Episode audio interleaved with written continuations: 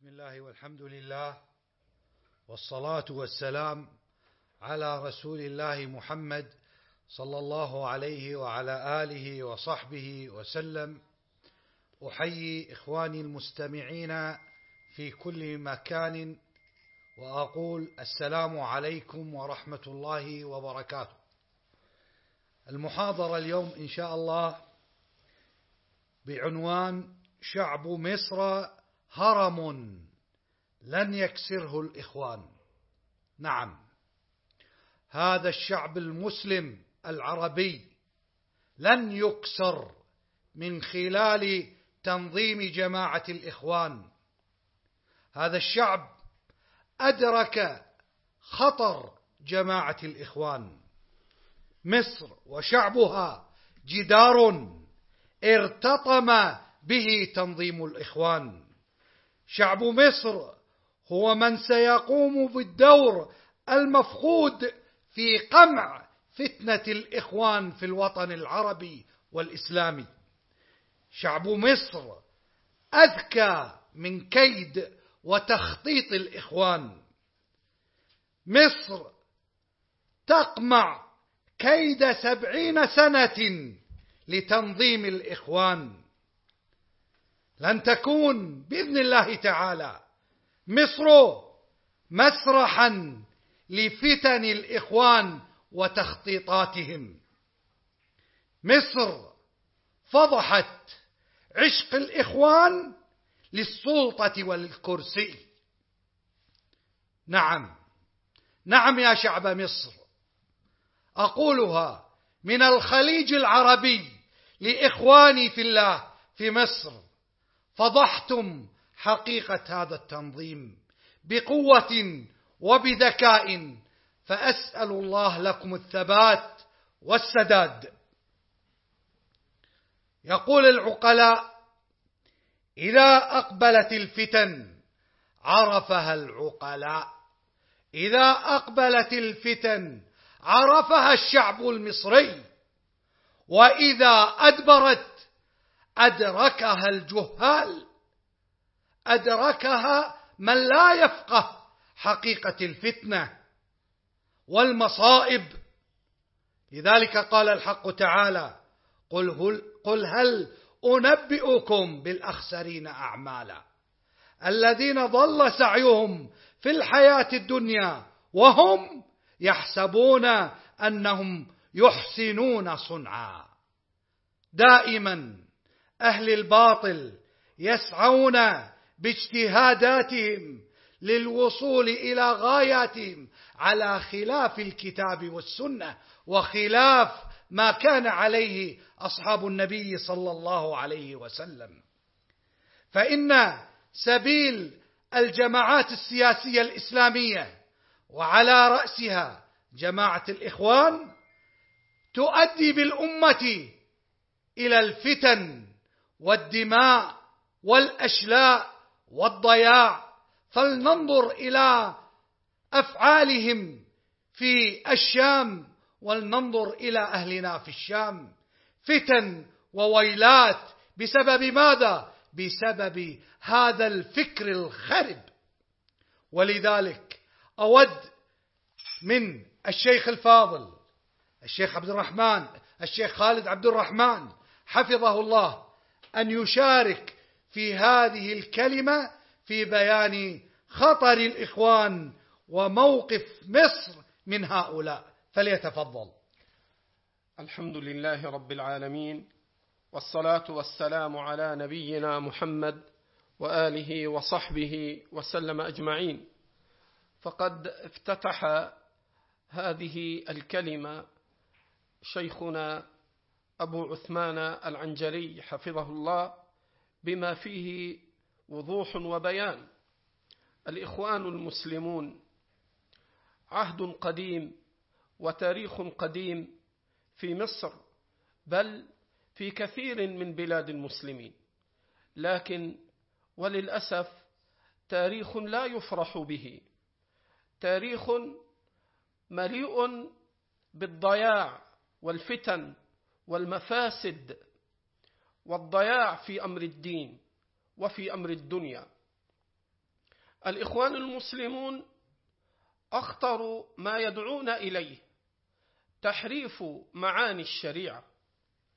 لذلك فتجد أن رأسهم هو من يحرف شرع الله عز وجل لا لفظا ونصا وإنما معنى كما يقول شيخ الإسلام ابن تيمية أن أهل البدع يحرفون كلام الله عز وجل لا يحرفون اللفظ ويأتون بلفظ مغاير وإنما يحرفون معاني كتاب الله عز وجل.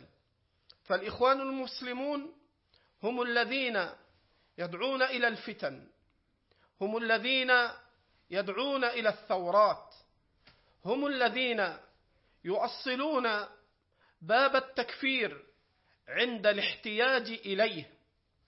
هم الذين يوسعون في المعاني ويدخلون في معاني الشرع ما ليس منه عندما يحتاجون إلى ذلك.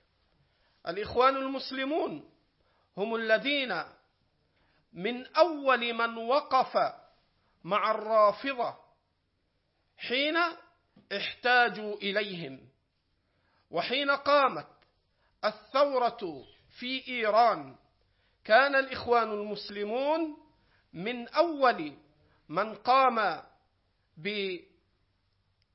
بالتهنئة وبالاستبشار بهؤلاء.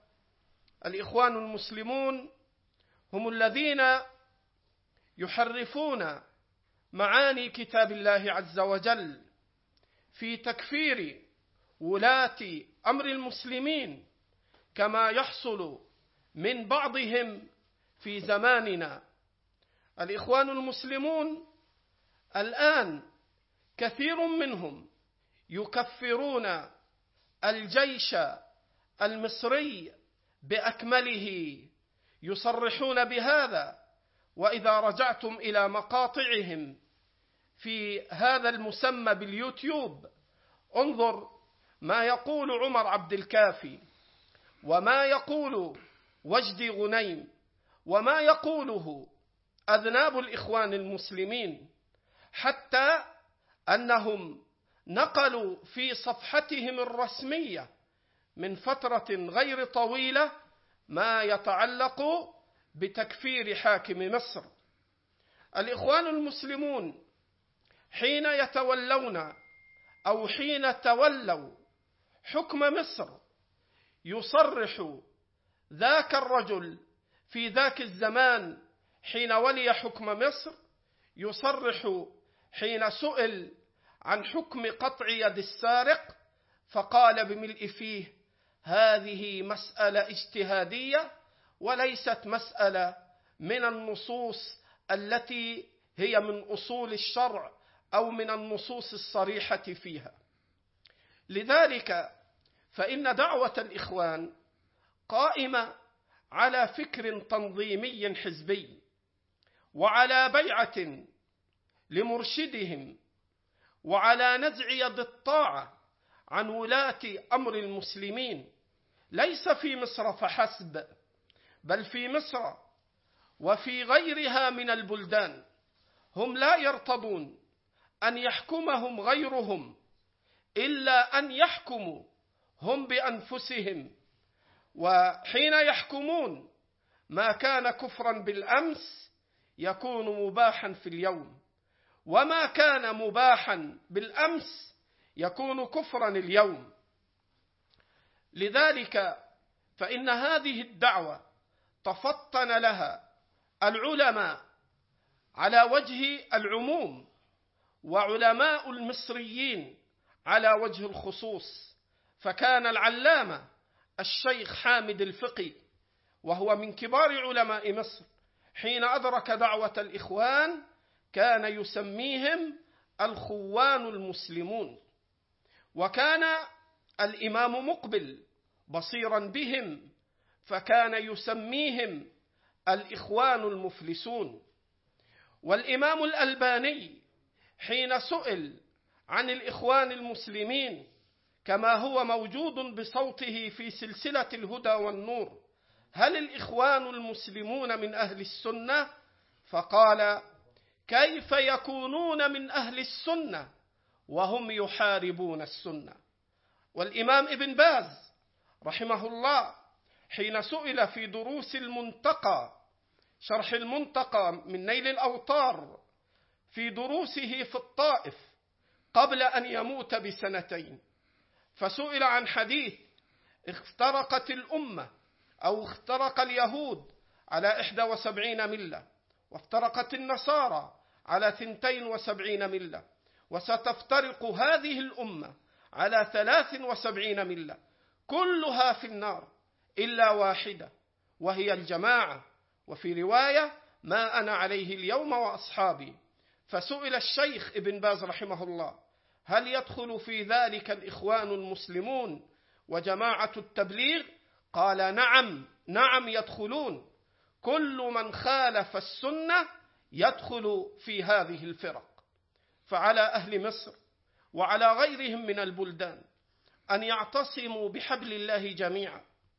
وأن لا يتفرقوا وأن يحذروا من كيد الجماعات المنحرفة كالإخوان المسلمين وغيرهم وأن يرجعوا تائبين إلى الله مقبلين على دينه وشرعه متمسكين بأمر ربهم عز وجل. ذلك أن ربنا عز وجل يقول وتوبوا إلى الله جميعا أيها المؤمنون لعلكم تفلحون فالفلاح بالتوبة والإنابة والرجوع إلى الله. وقد قال ربنا معلما لنا فقال تعالى إن الله لا يغير ما بقوم حتى يغيروا ما بأنفسهم. وفق الله الجميع. وحفظ الله بلاد مصر وسائر بلدان المسلمين من الفتن وأهلها. جزا الله شيخ خالد عبد الرحمن على ما تفضل به. ونقول قول الحق تعالى ألا في الفتنة سقطوا. والفتنة كلمة تكررت في كتاب الله تعالى مرارا وتكرارا ومن معانيها كما قال إمام أهل السنة الإمام البربهاري وكل ما كان من قتال بين المسلمين على الدنيا. على الدنيا على الدينار والدرهم على المراكز على ما كان فيه نفع للإنسان من حيث الجانب الدنيوي فهو فتنة. إذا الاقتتال بين المسلمين فتنة ولا شك في ذلك. ومن يسعى في مصر إلى إحداث الفتنة ويريد أن تكون مصر كسوريا وكالعراق إنما يريد الفتنة والقتال. في سبيل ماذا؟ في, في سبيل الدينار والدرهم. فهو لا يبالي بالدماء والأشلاء وتشريد الناس وقتل النساء والأطفال إنما مدار الحياة الدنيا ومكاسب الدنيا. ولذلك قلت إذا أقبلت الفتن عرفها العقلاء وإذا أدبرت أدركها الجهلاء أدركها الجهلاء. نعم إذا أقبلت الفتنة عرفها الشعب المصري العاقل وإذا أدبرت أدركها الجاهل الذي يريد أن تكون الأمور دون وعي وإدراك وكياسة. إنما يترك الحبل على الغارب. لا يجب على الشعب المصري العاقل والحديث للعقلاء أن يسعوا إلى صد الفتن ودرء الفتن فإن دم المسلم في ميزان الله عظيم. وهذه مسؤولية فالمتسبب مسؤول.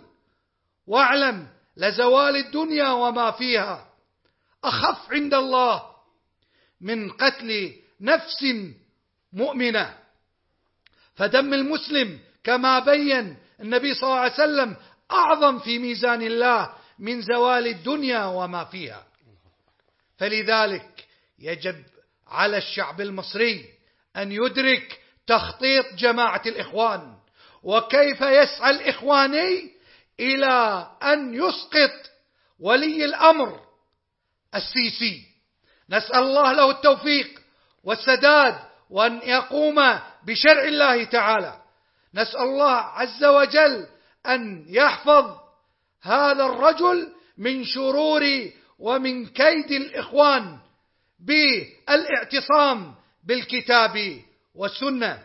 فإن الإخوان يسعون بالنكت وبوسائل الإعلام وبكل الطرق لإسقاط الحكومة المصرية اليوم.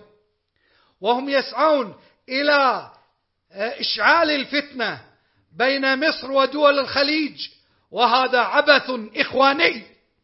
نسأل الله عز وجل أن يرد هذا الكيد الخبيث الشيطاني إلى مصرعهم بإذن الله تعالى.